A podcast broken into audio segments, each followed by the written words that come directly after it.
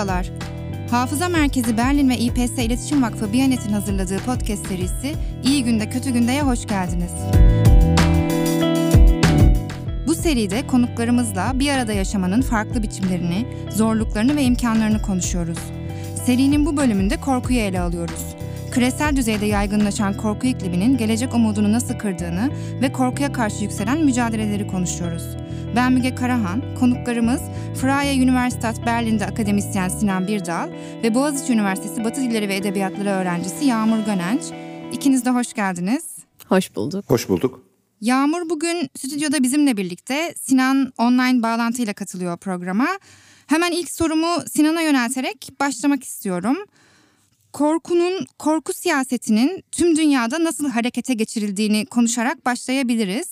Sağ popülist liderlerin korku siyaseti nasıl giderek güç kazanabildi? Evet şimdi e, korku tabii e, kitle e, psikolojisinde çok önemli bir yeri olan bir kavram.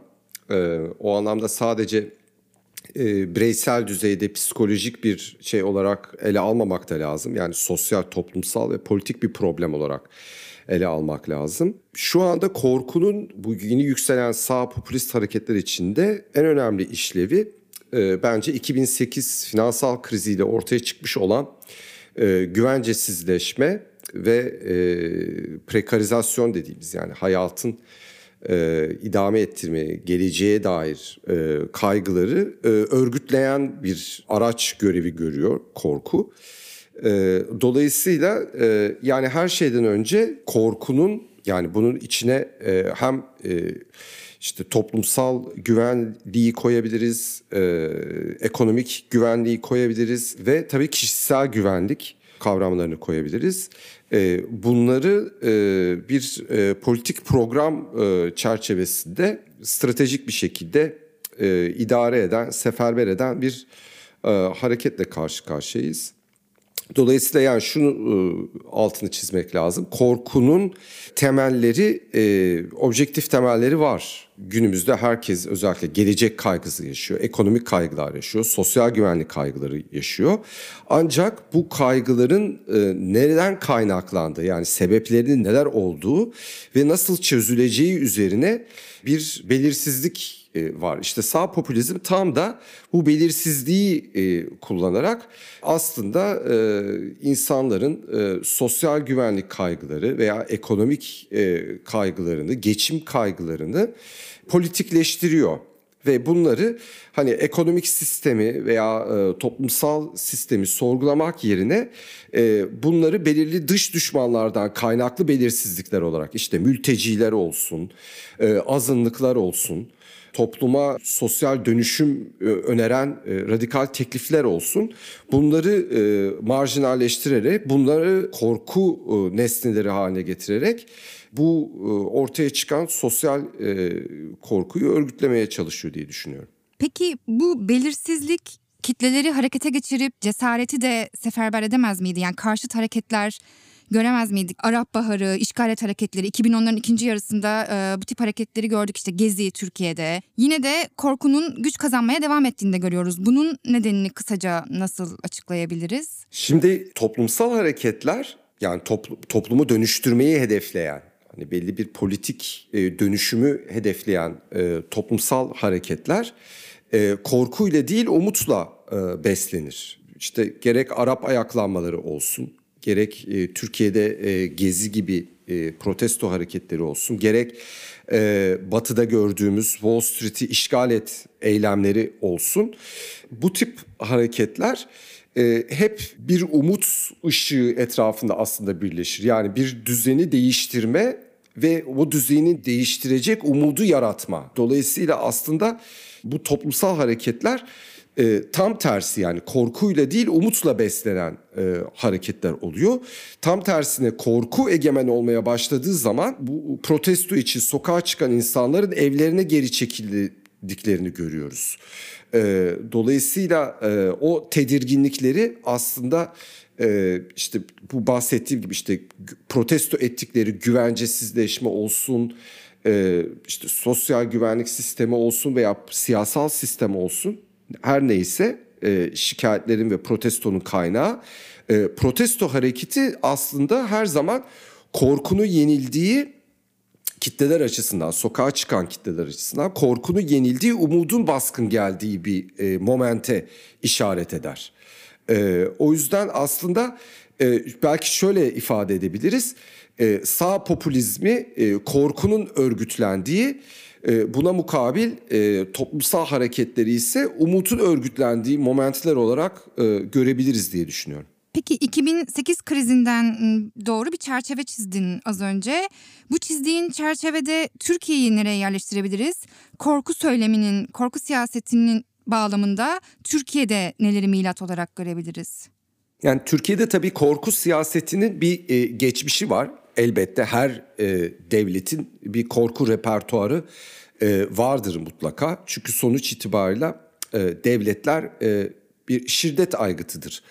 E, dolayısıyla e, yani bu şiddetin e, kime nasıl meşru uygulandığı e, ayrı bir sorudur ama her devlet mutlaka e, bir e, şiddet e, e, tekeli ve bu şiddetin e, devlet tarafından belirli kişilere ve zümrelere uygulanabilirliği bu uygulanma tehdidi üzerine e, kuruludur. E, dolayısıyla tabii her devlet gibi Türkiye'de de bir e, e, siyasal şiddet e, geçmişi var aslında. Dolayısıyla 2008'den sonra yaşadığımız süreçte siyasal şiddetin e, rolünü e, tespit ederken böyle bir geçmişi olduğunu hatırlamak lazım elbette. 2008'den sonra aslında e, yargı süreciyle başlayan yani önce yargılamaların e, bir korku aracına e, dönüştürüldüğünü gördük.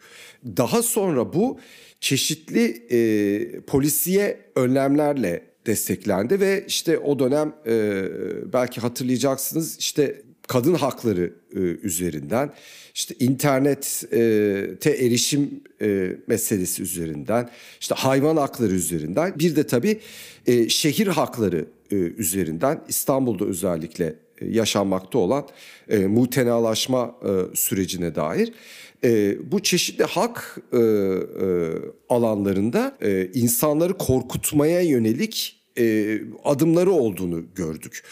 Ve bu da daha sonra hani 2013'teki gezi e, protestolarına kadar e, e, gelecek. Gezi'deki e, şey 2008'de aslında e, bir taraftan doğrudan bağlantılı. Çünkü Gezi'de e, sokağa çıkan insanların e, büyük çoğunluğunun e, bu 2008 finansal krizi ertesinde ortaya çıkan e, çalışma koşulları ve yaşam koşullarına ilişkin e, sıkıntıları vardı. Ancak dile getirdikleri talepler e, birincil derecede o günkü iktidarın e, korku salmaya çalıştığı bir takım adımlar atmaya çalıştığı alanlarda e, yaşandı. E, dolayısıyla e, Gezi'yi aslında hani bu 2008'den 2009'dan itibaren e, özellikle hani bir milat olarak söyleyeceksek 2010 referandumunu herhalde söyleyebiliriz. Hani iktidarın yargı e, üzerindeki e, tahakkümünü kolaylaştıran bir değişimdi. E, ve e, şu anki iktidar bloğunun daha tek başına hareket edebileceğini düşündüğü bir e, e, milat oldu.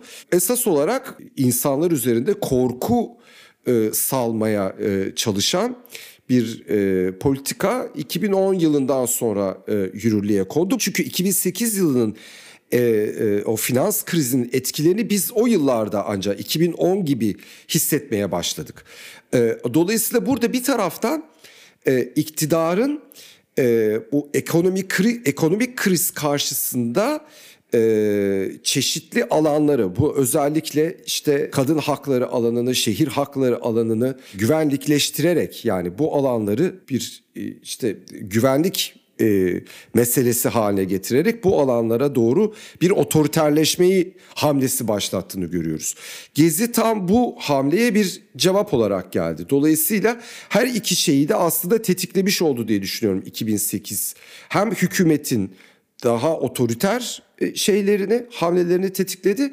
Hem de şehirli e, özellikle orta sınıf e, insanların hem kaygı ama hem de umutlarını tetiklediğini düşünüyorum. Evet, bugünkü sürece nasıl gelindiğinin ve korku siyasetinin nasıl her yere sirayet ettiğinin bir değerlendirmesini e, sundu Sinan. Biraz da korkuyla nasıl başa çıkabileceğimizden bahsedelim istiyorum ve somut vakalar üzerinden e, konuşmak istiyorum. Bu noktada sana dönüyorum Yağmur ve Boğaziçi direnişindeki deneyimin üzerinden bir soru sormak istiyorum sana. Boğaziçi direnişi korku atmosferinin baskın olduğu, sokak eylemlerinin azaldığı bir dönemde örgütlendi ve bu anlamda korkudan bir şey yapılamıyor kabulüne karşı kararlı bir çıkıştı. Direnişin, eylemlerin içinde yer alan öğrenciler olarak korku meselesini aranızda konuşmuş muydunuz? Aslında direnişin e, başladığı dönemlerde korku meselesi bizim kendi aramızda hiç konuşmadığımız bir konuydu. Hatta çoğumuzun aklına bile geldiğini düşünmüyorum. Çünkü e, Sinan da aslında çok güzel söyledi yani biraz daha bu e, toplumsal hareketleri besleyen ve bir arada tutan şey umut ve bizim aslında kendi aramızda en çok konuştuğumuz şey belki de buydu ya bizi de bir arada tutan korkuya karşı birlik olma düşüncesi belki de. E, şu andan dönüp bakınca aslında korkabileceğimiz çok fazla şey vardı. Çünkü e, hala pandemideydik ve bir yandan hani polis şiddetinin de çok yoğun olduğu durumlarla da karşılaştık. Ama tüm bunlara rağmen korku e, şöyle bir şekilde işlevlendi sanırım bizim direnişimiz özelinde. Zaten hali hazırda kaybetmekten korktuğumuz çok fazla şey vardı ve kaybettiğimiz de çok şey vardı. O alanları da kaybetmenin korkusu ve bir şeyi değiştirebileceğimize dair bir umut büyük ihtimalle. Çünkü çok uzun zamandan sonra öğrenci hareketinin tekrar e, bu kadar sıkı bir araya gelebildiğini ve tekrar bu kadar aslında ortak ilkelere bağlı bir söz üretebildiğini görmüş olduk. O yüzden korku sonraki aşamaları gelene kadar bizim gündemimizde değildi. Ama ne zaman ki gerçekten çok ağır sonuçlar yaşamaya başladık, e, gözaltılar, ciddi polis şiddeti hatta tutuklamalara varan süreçler Orada korku üzerine konuşmaya başladık. Orada da aslında korku bizim için ikiye ayrılmaya başlamıştı. Bir kendi bireysel hayatlarımız için korkmaya başlamıştık. İşte eğitim hakkımız elimizden alınıyor, burslarımız kesiliyor, yurt dışı çıkış yasakları, tutuklamalar 2-3 ay sürüyor. Bir de bir yandan kolektif olarak aslında direnişin ivmesini kaybetmekten korkuyorduk. Orada da işte hangisinin ağır bastığı biraz da bizim mücadele biçimimize göre şekillendi sanırım. Evet ilerleyen günlerde direnişin e, görünürlüğünün azalmasıyla belki ve tabii gözaltıların, mekansal müdahalelerin artması, okulun etrafının kuşatılması yani yolda yürürken bile aşağı bak yukarı bakma ihtarlarıyla karşılaşmanız muhtemelen e, korkuyu gündeminize getirmiştir diye düşünüyorum. E, farklı hareketlerin içinden gelen farklı politik aidiyetleri olan öğrencilerin birlikte durduğunu gördük bu direnişte.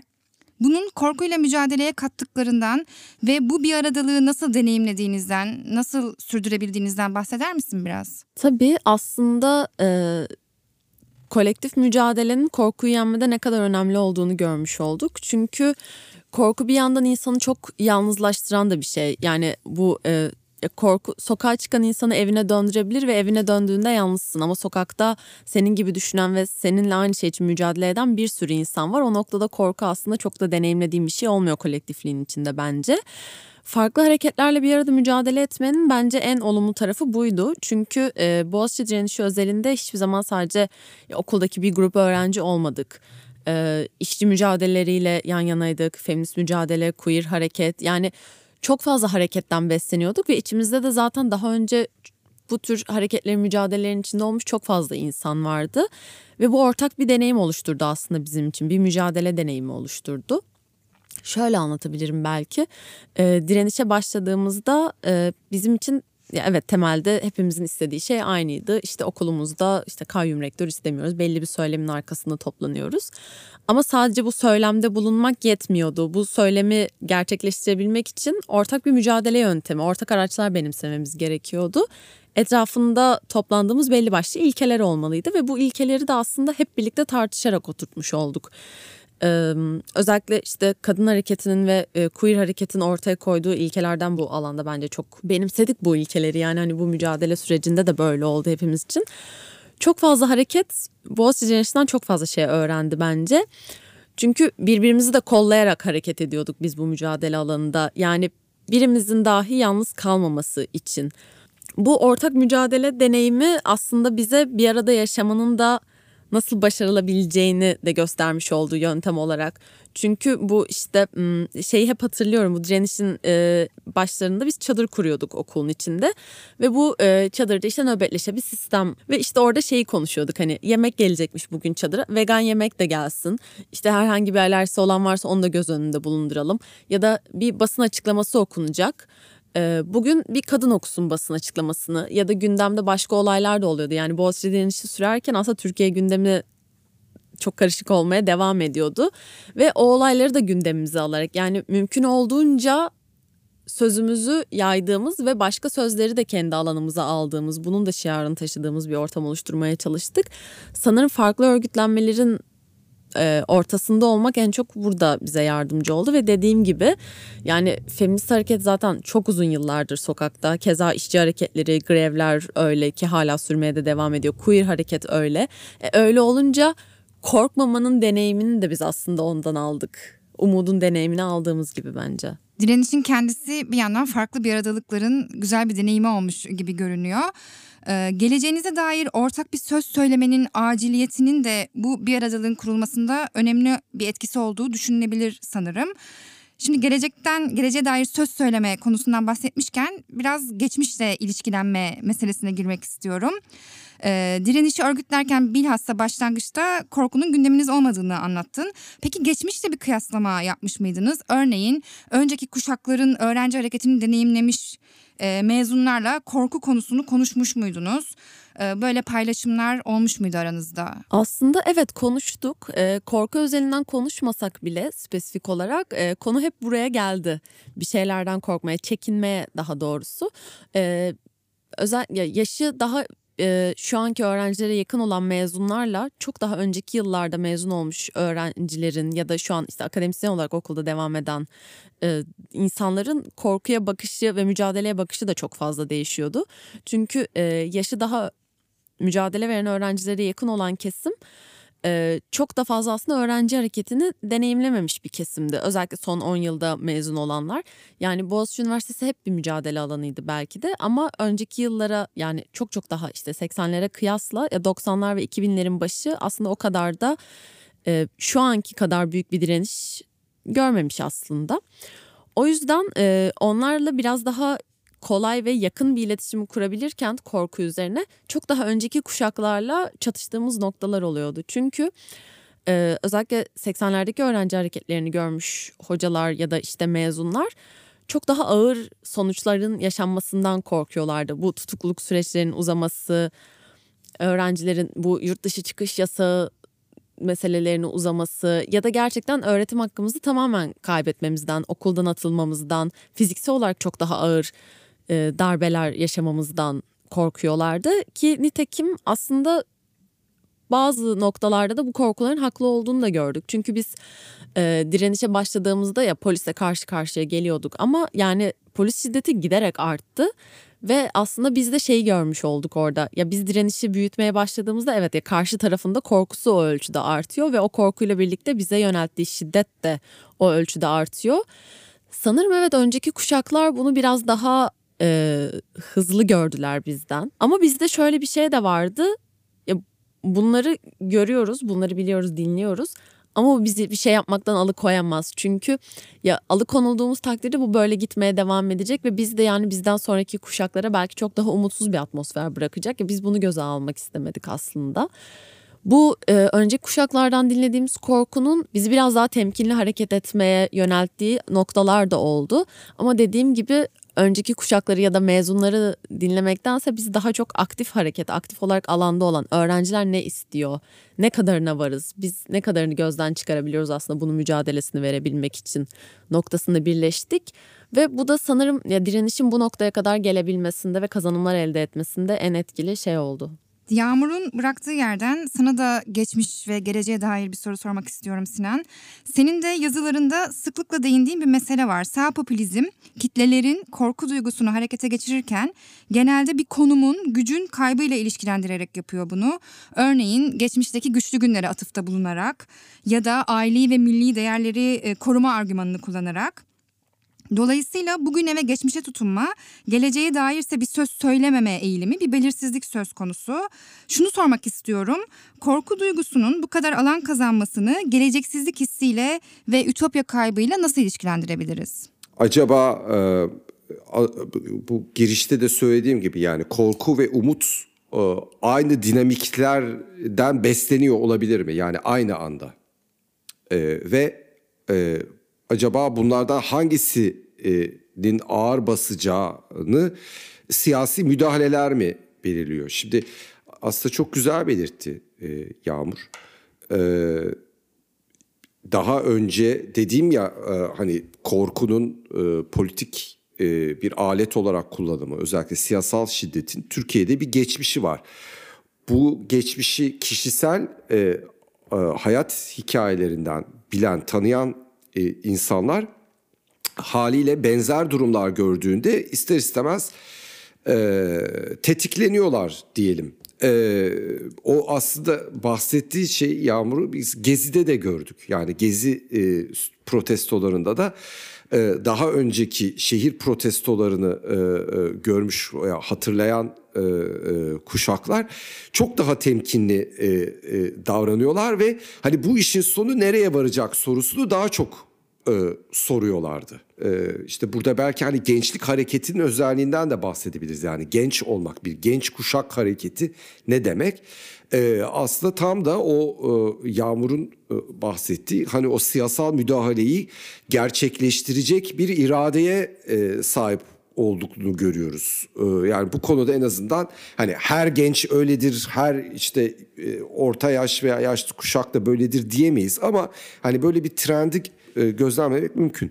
Hem kuşaklar arası korku farklılığı var hem de kuşaklar içinde de e, e, e, çeşitli grupları durdukları pozisyonlara e, göre bu öncelikle tabii sınıfsal hani e, işte Boğaz içinde öğrenci misiniz, e, tekstil atölyesinde işçi misiniz e, veya e, işte e, bir e, alışveriş merkezinde tezgahtar mısınız? veya call center'da mı çalışıyorsunuz? E, işte cinsiyet, cinsel roller, e, e, efendime söyleyeyim etnik, e, e, dini kimlikler vesaire hani bunlar da korku algısını etkileyen şeyler. Şimdi e, burada e, bu sağ popülizmin özellikle mesela Batı e, için, bunu Batı Avrupa ve Kuzey Amerika için özellikle e, hani 1970'lerden, 80'lerden, 90'lardan ellerinde e, kalan hani neoliberal reformlardan sonra ellerinde kalan belli sosyal hakları böyle tutmaya çalışan insanları örgütlediğini görüyoruz. Ee, bunlar e, e, tabii ki çok değişiyor. Hani ne bileyim, Almanya'daki sosyal haklarla Amerika'daki sosyal haklar elbette e, bir değil ama hani böyle bir hani belirli kazanımlara tutunma e, e, şeyi var. Şimdi e, bu aslında mesela tekel direnişinde Ankara'da e, siyasal iktidarın bunu yapmaya çalıştığını çok net gördük çalışma hayatında. Mesela tekel işçilerine şikayet etti dönemin başbakanı. E, dedi ki bunların dedi bir sürü böyle e, hakları var bunlar kimse de yok ona rağmen işte şımarıklık yapıyorlar diye e, doğru düz sosyal güvenlik hakları olmayan çalışma hakları olmayan e, işçilere şikayet etti bu işçilere e, pardon bu haklara haiz olan işçileri. Dolayısıyla burada hem e, biraz e, karmaşıklaştırıyorum durumu ama e, ya, yaş olarak hangi kuşağa ait olduğunuz kadar statü olarak da hangi kuşak haklardan yararlandığınız da önemli. Yani mesela Türkiye'de çok net bir şey ifade edeyim. Türkiye'de 2000'li yıllarda bir sosyal güvenlik reformu yapıldı değil mi? Hani belirli bir tarihten önceki önce sosyal güvenlik sistemine girmiş olanlarla o tarihten sonra sosyal güvenlik sistemine girmiş olanların farklı hakları var Türkiye'de. Ee, bu çok konuşulmayan e, bir konu ama e, siyasal iktidarın bu bölünmüş e, e, sosyal haklar e, şeyini alanını çok iyi kullandığını düşünüyorum mesela. Hani e, diyelim ki hak kaybına karşı birileri e, mücadeleye geçtiğinde hemen o grup alınıyor ve deniyor ki e, sağ popülistlerin her yerde yaptığı bakın bunlar ayrıcalık istiyorlar. Yani hak kazanımını bir ayrıcalık olarak e, sunuyorsunuz. Bu e, mesela özellikle e, kadın haklarında bunu görüyoruz. Queer haklarında bunu görüyoruz. Sanki işte eşcinseller, translar insan haklarını değil de kendilerine e, yeni ayrıcalıklar talep ediyorlarmış e, gibi e, çalışma haklarında da görüyoruz. Hatta yani yine Boğaziçi üzerinde mesela bunu konuşursak Boğaziçi'de de hatırlayacaksınız e, şey gibi bir tepki de çıktı. E, en azından öyle bir hava e, da yaratılmaya çalışıldı. Ya Boğaziçi zaten ayrıcalıklı bir kurum. Dolayısıyla bu öğrenciler ve bu hocalar aslında bir ayrıcalık savaşı veriyorlar. Yani bir ayrıcalık mücadelesi veriyorlar. Bunlar aslında bir hak mücadelesi vermiyorlar gibi. Yani orada da aynı şeyin söylem stratejisinin uygulandığını görüyoruz. Deniyor ki e, e, işte halka o kimse aslında orada halkı temsil eden işte karşıda işte kim düşman olarak e, konunuyorsa o düşmanın beri tarafındakiler de biz ve halk oluyoruz. Şimdi hak mücadelesini bastırmayı da bir ayrıcalığa karşı herkesi eşitleyen demokratik bir e, hamle olarak e, sunmaya çalışıyor. Her türlü e, sosyolojik fark e, siyasal söylem açısından e, e, bir potansiyel yani ayrıştırmak için, düşmanlaştırmak için ve bunun üzerinden hem korku salmak hem de o korkuyu daha sonra bastırma e, e, bahanesiyle aslında şiddete dayalı bir e, siyaseti e, hayata geçirmek için bir e, fırsat e, sunuyor. Buna karşı da işte o yüzden hani Yağmur'un bahsettiği o farklılıkları bir arada tutabilmek. O farklılıkları hak mücadelesi ekseninde ve bir umut ekseninde e, eşitleyebilmek çok önemli. E, belki de nasıl desem yani daha bir... E, karşı popülizm diyebiliriz buna. Yani bir tarafta işte bir sağ popülizm varsa belki buna da bir tür bir sol popülizm e, diyebiliriz veya bir alternatif popülizm e, diyebiliriz. Yani iktidar merkezli değil e, daha e, işte o hak mücadelesi merkezli bir popülizm e, diyebiliriz ki şu anda herhalde e, bu tip böyle bir e, sağ popülizmin bu korku politikasına karşı e, yapılabilecek e, en önemli şey böyle bir umut politikasını e, e, umut popülizmini oturtabilmek. Peki Yağmur sen kendi kuşağının yaşadığı belirsizlik hissini ve gelecek korkusunu ütopya kaybıyla nasıl ilişkilendirirsin? Sizin kuşağınızın bir bir arada yaşam ütopyası var mı? Aslında özellikle son zamanlarda bu barınamıyoruz hareketiyle birlikte de böyle e, öğrencilerin özellikle gündemleştirdiği sorunlar göz önüne alınınca işte barınamama, yurtların geldiği durum, ekonomik kriz. Yani bunları düşününce aslında bizim geleceğe dair ütopyamız bir noktada çökmüş oluyor zaten. Çünkü e, Türkiye'de ortalama bir öğrencinin en basitinden e, şu an devletten burs aldığını düşünelim. İşte KYK olabilir, burs olabilir. E, Türkiye'nin herhangi bir yerinde sadece bununla yaşama şansı çok çok düşük. Bunu düşününce aslında ekonomik kaygılar bence birçok gelecek ütopyasının önüne geçiyor. Çünkü e, zaten ekonomi gibi çok ciddi etkileyen bir şeyle e, mücadele içindeyken insanın geleceğe dair umut dolası ya da herhangi bir mücadelenin içinde kaygısızca yer alması çok çok zorlaşıyor. Ee, bizim kuşağın bir bir arada yaşam ütopyası var mı? Bence e, zaten mücadele verdiğimiz şey aslında bu ütopyanın gerçekleşmesi için. Ama e, sanırım bir ütopyaya doğru ulaşmak için yaptığımız bir şeyden ziyade aslında bu ütopyaya giden yolu daha e, herkesin daha iyi olabilecek bir şekilde kurmak. Sanırım o yolun kendisi ütopya oluyor bence bizim mücadele alanımız için. Çünkü bir yandan aslında e, ya Türkiye'nin geçmişine de baktığımızda gerçekçi olmamız gerekirse neleri değiştirebiliriz, neleri uzun vadede değiştirebiliriz, neleri kısa vadede başarabiliriz. Bunları düşününce aslında yaptığımız şey sanırım bir aradalığı kurmak. Bundan sonraki ütopyalar için, kurulabilecek ütopyalar için mücadele vermek. Çünkü e, içinde bulunduğumuz işte bu kriz, öğrencilerin ekonomik olarak bu kadar zorlandığı ve gelecek kaygısı yaşadığı bir noktada bir ütopya hayal etmek ve geleceğe dair belli tahayyüllerde bulunmak çok çok zorlaşıyor. Çünkü çoğu öğrenci aslında hani günü geçireyim, mezun olduğumda en azından kendime bakabileyim, kiramı ödeyeyim, aç kalmayayım noktasında. Bu da bence zaten bir e, ütopya kurmanın önünü çok çok kesiyor. Ama bir aradalık ütopyası bence bunlardan daha farklı bir yerde duruyor. Çünkü gözlemleyebildiğim kadarıyla en azından e, dayanışma kurmak aramızda zaten başlı başına, başlı başına bir ütopya noktasında duruyor. Çünkü bu kadar farklı insanın bu kadar farklı e, mücadele pratiği olan ya da bu kadar farklı e, mücadeleye dair bu kadar farklı amaçları olan insanların bir arada bir şeyler yapabilmesi hem bir, kendi içinde bir ütopya oluşturuyor hem de bundan sonra kurulabilecek ütopyalar için bir yol haritası oluşturuyor bence. Gerçekten belki de geleceğe dair bir adım atmak için önce yola çıkmak e, ve yolda belki de mücadele edilecek şeylerle karşılaşıp e, inanılacak şeyler bulmak da mümkün. Bu da sen konuşurken bana e, bir filmin son cümlesini hatırlattı. Dünyada her zaman inanılacak sağlam şeyler vardır aslında.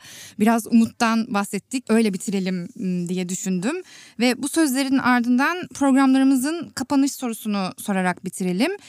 İyi günde kötü günde bir arada yaşam hayalini bir cümleyle anlatır mısın? Sinan seninle devam edebiliriz. Samuel Moyn diye bir siyaset bilimci 1970'lerden itibaren insan hakları söyleminin bu kadar popülerleşmesini e, bir ütopya kaybına bağlıyor. Yani 1970'lerde biz dünyayı değiştireceğiz diye ortaya çıkan toplumsal hareketlerin e, kendilerini giderek bir insan hakları, uluslararası insan hakları kavramı içinde hapsettiğini e, düşünüyor.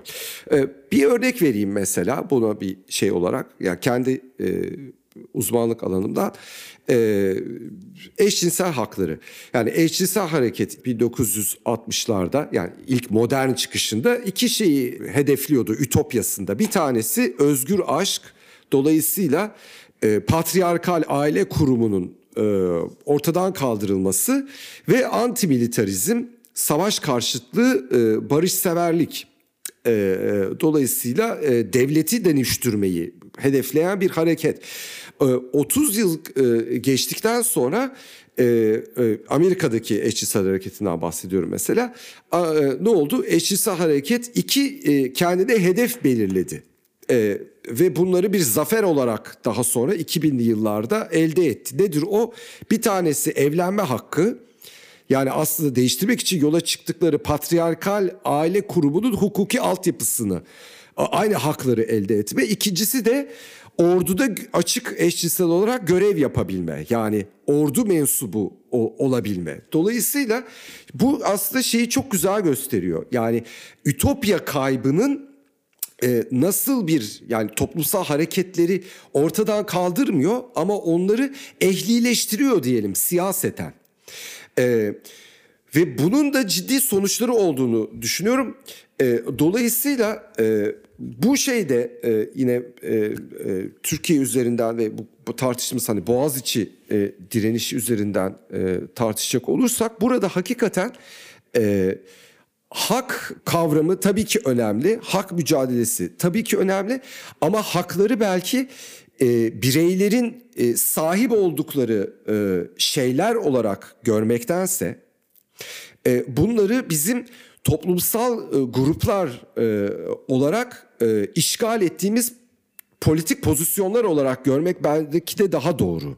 Yani hem hak kavramından vazgeçmemek çünkü hak e, söylemini e, kullanmadan modern e, siyasete e, girebilmek mümkün değil. Yani hak iddiasında bulunmadan siyasete girebilmek mümkün değil. Dolayısıyla hak iddiası tabii ki olacak ama bu hakları kendi bireysel sadece e, e, sahip olduğumuz bir takım e, nesneler olarak e, görmemek aslında hakların ancak diğer insanlarla paylaştığımız ilişkiler içerisinde e, bu hakların hayata geçebileceğini akılda tutmak e, gerekir diye düşünüyorum. E, dolayısıyla yani hak mücadelesini e, hangi alanda olursa olsun böyle bir umut ve ütopya e, şeyi içinde e, e, perspektifi içinde yürütmek gerektiğini düşünüyorum. Unutmayalım ki bu korku siyasetinin e, en e, baştaki düşmanı e, umut ve ütopyadır. Öldürmeye çalıştığı, e, ilk şey insanları ikna etmeye çalıştığı ilk şey başka bir çıkış yolunuz yok. Yani sizin hakikatinizi tanımlar korku. E, o yüzden bu hakikat algısını kırmak için e, o ümidi, umudu ve ütopyayı e, canlı tutmak lazım diye düşünüyorum. Yağmur e, sen iyi günde kötü günde bir arada yaşam hayalini anlatır mısın bir cümleyle? Bir cümle sanırım beni de zorlayacak. Sanırım iyi günde kötü günde e, bir arada yaşamak diye düşündüğüm zaman aklıma gelen ilk şey dayanışma oluyor. Çünkü ben e, hem bu süreçte hem bundan sonraki süreçler için kendime dair bir şeyi tahayyül etmeye çalıştığımda, bir şeyi hayal etmeye çalıştığımda kendimi hiç yalnız görmüyorum. Ve sanırım bence e, bir arada yaşam ütopyası için gerekli olan en temel şeylerden biri de bu.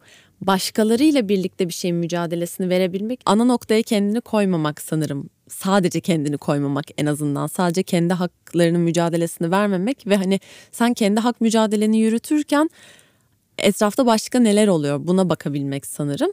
Ya, feminist hareketin çok sevdiğim sloganlarından biridir. Asla yalnız yürümeyeceksin.